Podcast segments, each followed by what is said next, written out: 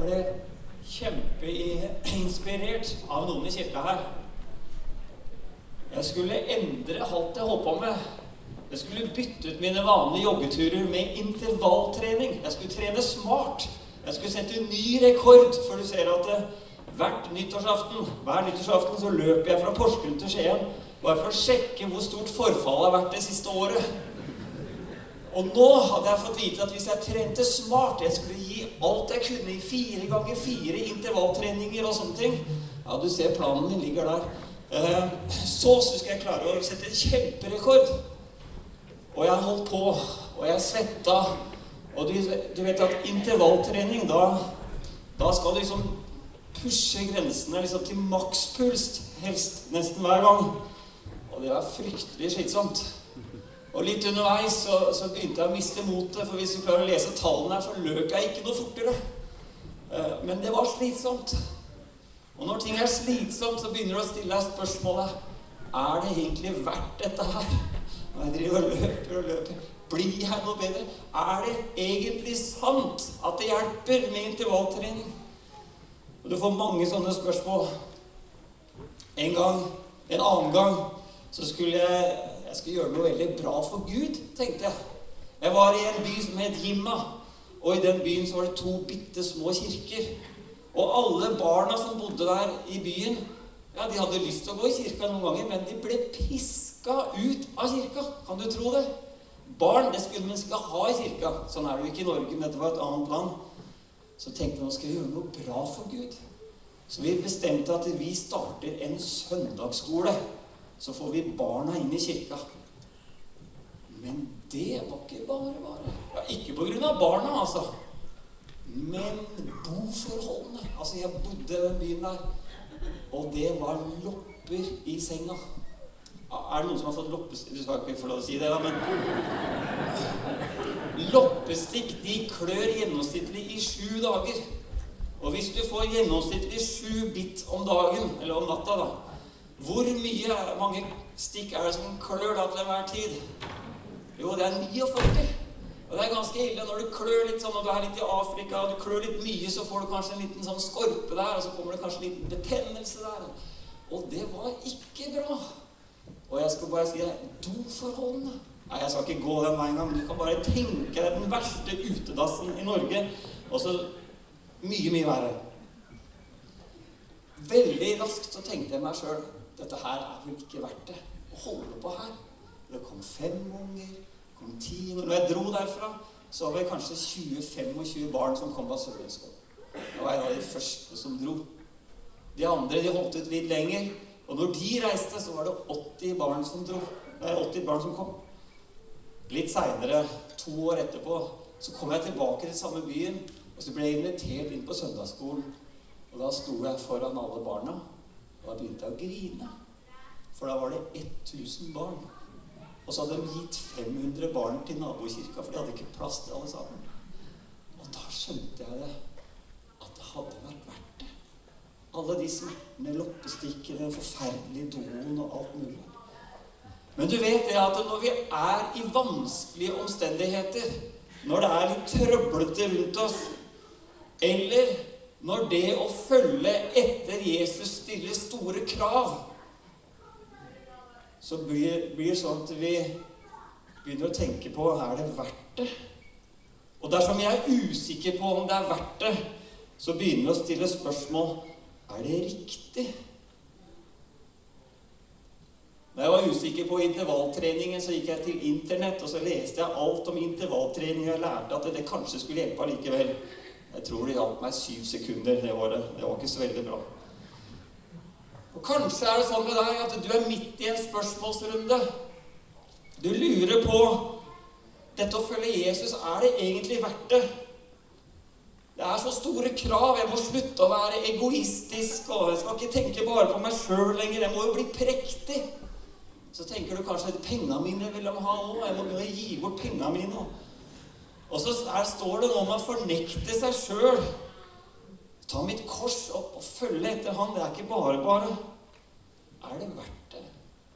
Hva har jeg igjen for det? Eller kanskje har du en drøm Du har eh, sett for deg en oppgave, kanskje litt à la den der søndagsskolen som jeg begynte. Kanskje jobber du i BIM, eller du driver med lefsebaking, eller du hjelper andre. Du har en drøm om å lykkes, og så kjenner du at det, Oi, det er ikke så greit.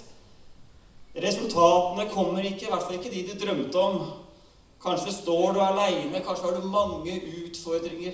Kanskje økonomiske utfordringer eller andre ting. Og så får deg til å stille deg spørsmålet er det egentlig verdt det?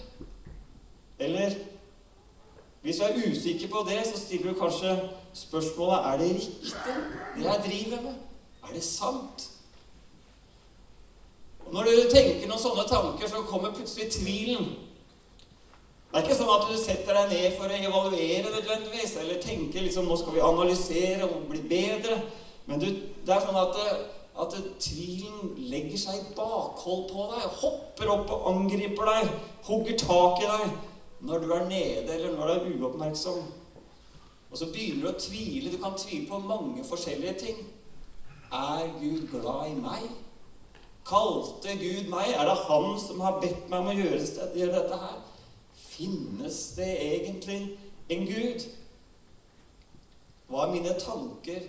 eller den opplevelsen jeg hadde som jeg trodde kanskje var Gud, var det bare meg sjøl, mitt eget vås? Jeg har lyst til å si noen ting til deg i dag som kanskje har noen sånne tanker. Om du tenker på at du skulle gi opp eller slutte, om du tenker at jeg har lyst til å skru ned litt på innsatsen og dempe forventningene til meg sjøl, eller til det jeg holder på med, jeg trekker søknaden og melder meg ut av prosjektet Jeg vil slå meg til ro med mindre. Jeg har lyst til å si til deg at det er helt normalt å tvile. Alle her inne har tvilt. Og ikke bare alle vi her inne, men Jesu disipler tvilte også. Tenk deg det etter at de hadde vandra med Jesus i tre år, opplevd hvordan det var å kjenne at han kom og kalte dem, så var det en dragning inni dem som sa ja, jeg vil følge etter han der. Og så fikk de lov å oppleve at lite mat ble til mye mat. Og syke mennesker ble til friske mennesker. Ja, til og med døde mennesker ble levende igjen. Og så opplevde de en Jesus som brydde seg om de som var nederst og ytterst og hadde det verst. Så begynte de å tvile, dem også.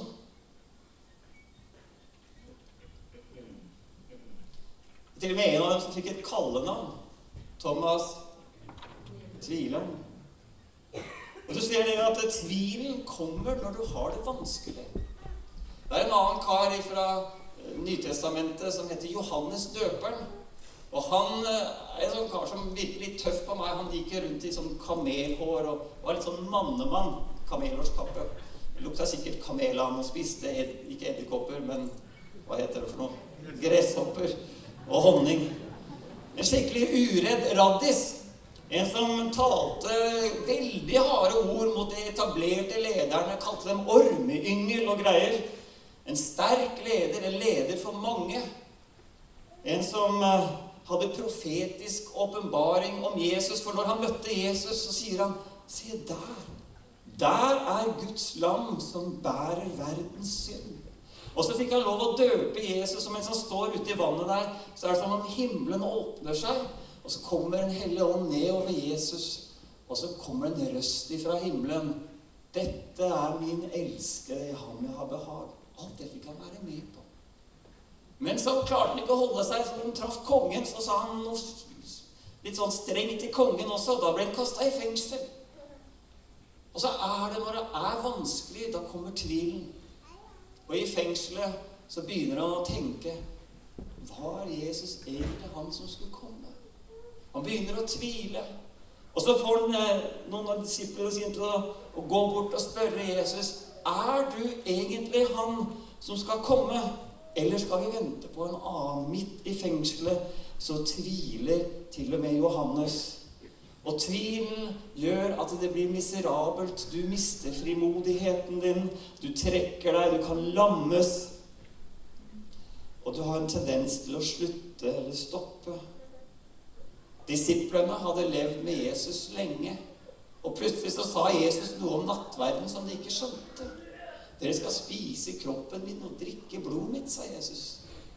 Å, dette er harde ord, sa de. Og så slutta de å følge etter Jesus. Etter dette trakk mange seg unna og gikk ikke lenger sammen med ham. Da gikk Jesus bort til de tolv, og så spurte han, vil dere også gå bort? Og Peter svarer, hvem skal vi gå til? Og det er et kjempebra clou. For perioder med tvil så må du huske på det. Det er fint å stille spørsmål. Det er fint å være nysgjerrig. Kan gjerne være kritisk. Finn ut av ting.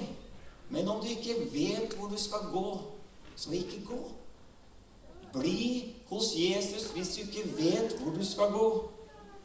For du vet ikke hva som henger i enden av din trosvandring, av din lydighet, av din tro på Jesus. Disiplene visste ingenting i denne situasjonen om hva som møtte dem, hva som ville skje på pinsedag. De visste ingenting om hva som kom til å være at de skulle være med å starte kirka, kirka i hele verden. De visste ingenting om at de skulle være med å skrive den mest leste boka i hele verden. De visste ingenting om at vi som sitter her, skulle kalle opp barna våre etter dem. Peter, Jakob, Johannes, Andreas. Jesus han kom på jorda her og ville forandre jorda. Han ville starte en ny tidsalder. Han gjorde jo det vi kaller det 2016 i dag. Og så hadde han aldri reist utenlands. Han hadde aldri skrevet en bok. Han hadde aldri talt i mikrofon. Det eneste han gjorde, var at han fikk seg tolv venner. Og de tolv vennene de ga ikke opp, selv om de tvilte. Tvilen er normal. Den kommer ubedt og angriper oss og troen vår. Jeg har lyst til å si litt om tro. Tro er ingen intellektuell Oi, sorry. Der kom det et annet bilde. Ja, ja. Det jeg skulle si til det bildet, er du vet aldri hva du går glipp av dersom du gir deg. Dersom du trekker deg før slutten. Dersom du får tvilen til å gjøre at du stopper. Jeg har lyst til å si litt om tro. Tro er ikke noen intellektuell øvelse. Tro er ikke noen følelse. Tro er ikke tallmagi. Ja, tro for tusen. Eller å sette seg høye mål. I Hebreerbrevet kapittel 11 så står det mye om tro. Det kalles troskapitlet, eller ja, troens høysang er det mange som kaller det. Og Det som er interessant, er at ordet tro er alltid knytta sammen med et verb i det kapitlet. Det handler om å gjøre noen ting, å handle. Ikke nødvendigvis å være inspirert eller å male store visjoner. Tro er et gjensvar, en handling. Tro utfordrer likegyldighet og status quo, en stillstand. Og fordi at troen utfordrer, så vil det alltid være kamp i troens yttergrense. Jeg har lyst til å oppmuntre deg i dag med å si at ikke la den kampen få deg til å trekke deg. Fordi en kjent predikant som het Smith Wigglesworth, han sa det at stor tro er et resultat av store kamper. Så ikke la den kampen som er i troens yttergrense, få deg til å trekke deg. Tro, det får du av forkynnelse. Derfor er det lurt å gå til kirka, spesielt i de dagene hvor det er vanskelig, de dagene du tviler, de dagene det er litt nedfor, eller du er trøblete. Troen gis som en gave. Og når troen gis som en gave, så er det også et ansvar å ta imot gaven. Og tro, ikke minst, er som å trene. Her ser du jeg har bretta opp eh, skjorta. Du kan gjette hvilken side jeg sitter på. Tro er akkurat som å trene. Hvis du ikke trener, hvis du ikke bruker muskelen, så blir det muskelsvinn. Det er han på den ene sida. Altså Hvis du har litt bevegelse, litt trening, så vedlikeholder du det. Men hvis du pusher grensene av intervalltrening, så vokser den. Men hvis du går for mye, så blir det overbelastning og skade. Tro henter også næring fra minner, fra forundring og forventning. Israelfolket hadde et luftvåpen. Ja, ja, Den snakker jeg ikke om i dag, altså, men i gamle dager så hadde de et luftvåpen. Vet du hva det var? Det var bueskytterne. Det var Efraims folk. Og så står det i Salme 78 at Efraim-folket, altså luftvåpenet, væpnet med buer, de snudde på stridens dag. Og så I neste vers så blir det forklart hvorfor. Fordi de hadde glemt hans gjerninger, de underfulle verkene som han hadde vist dem. Av og til så er det lurt av oss å tenke tilbake på hva er det Gud har gjort. For det bygger også troen vår og hjelper mot tvil. Tro vokser også ved lydighet. Du vet at Disiplene skjønte at tro var viktig, så de gikk til Jesus og så sa de, 'Jesus, gi oss stor tro. Gi oss større tro.' Og så sa Jesus to ting. Det ene han sa, det var at ja, ok, hvis du har stor tro, så kan du ta, si til det treet at det skal rive seg opp med roten, og så kan det plantes i havet. Jeg vet ikke, jeg skjønner ikke akkurat hvorfor man skulle drive med sånne gartnerting, men greit nok. Men så sier han én ting til. Han sier at eh, det dreier seg om lydighet. Fordi at en tjener, han jobber på marken, og når han kommer hjem, så gir mat til eh, liksom serverer ved bordet. Og så når han liksom får en klapp på skulderen, så sier han bare, vet du hva jeg gjorde bare det som vi var skyldige å gjøre. Hvis du er lydig mot Gud, så vokser troen din. Så har jeg lyst til å si en ting til. Tro er en ferskvare. Du ser at Jesus han opplevde korsfestelsen. Vi har lagt påsken bak oss. Og når det skjedde, så sprettes alle disiplene rundt omkring, og de var fortvila. Og så begynte Jesus etter eh, korsfestelsen og oppstandelsen så begynte han å gå rundt og møte enkeltpersoner. For å gi dem et nytt møte med Gud, et nytt trosmøte. Slik at de ikke bare skulle bygge troen på noe som var gammelt, men på noe som var ferskt. Så møtte han Emmaus-vandrerne, så møtte han Maria Magdalena, så møtte han Peter, og så møtte han tvileren Thomas. Og så sier han til Thomas, fordi du har sett meg, tror du. Salige er de som ikke har sett, men likevel tror. Jeg tenker det sånn at Jesus han har fortsatt med å gå rundt og se etter mennesker. Han har så lyst til å møte med deg og med meg.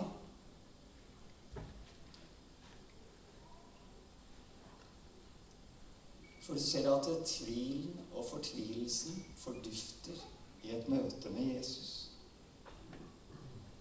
Det står det i Hebreerne kapittel 12 at det er Jesus som er troens opphavsmann og fullender.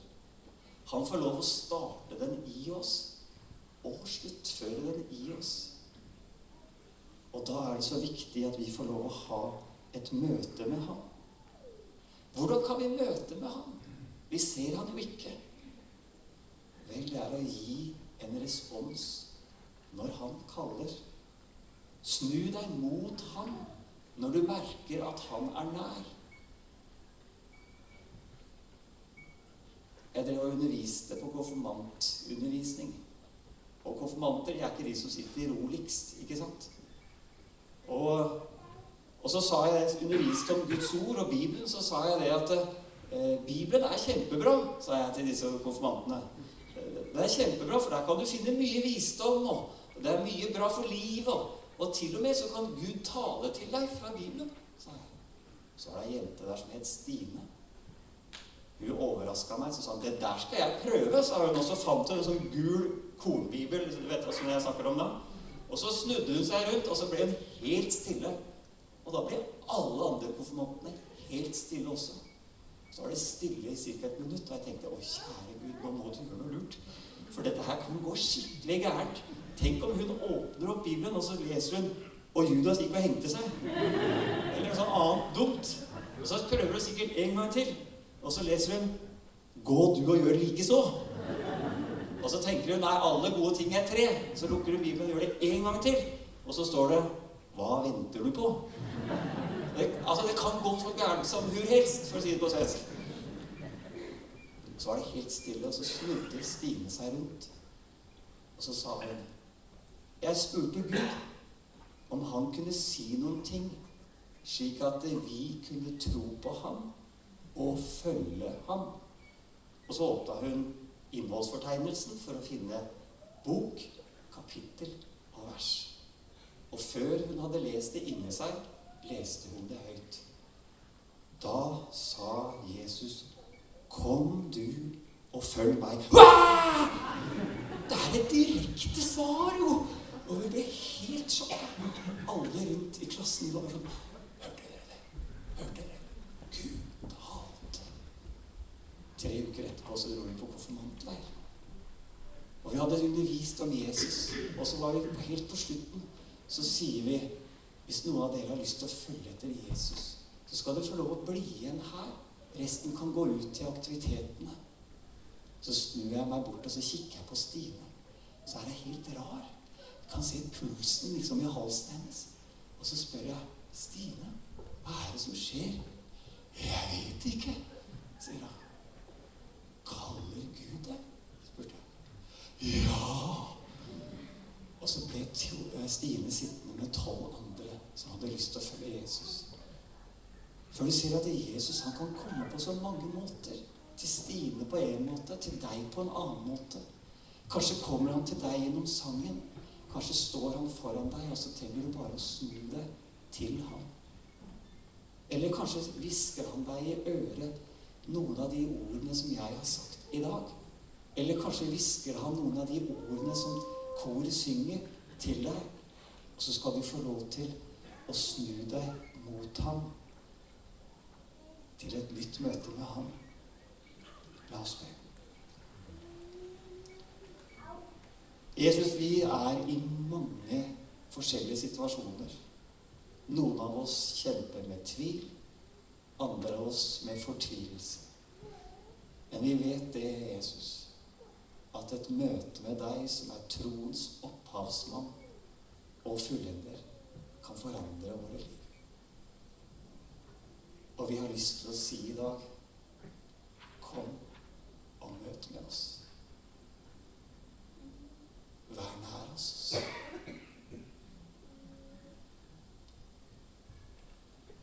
Vi vil snu oss mot deg og ta imot deg. Amen. Kanskje har du lyst til å gi en respons til Gud. Det viktigste. Hvis du kjenner at han er nær, gi en respons. En respons ved å snu deg mot ham. Ja, ikke fysisk, men i hjertet ditt. Kanskje har du lyst til å gi en respons ved å tenne et lys. Kanskje har du lyst til å gi en respons til å være med å synge. Len deg mot Jesus i hjertet ditt i sangen.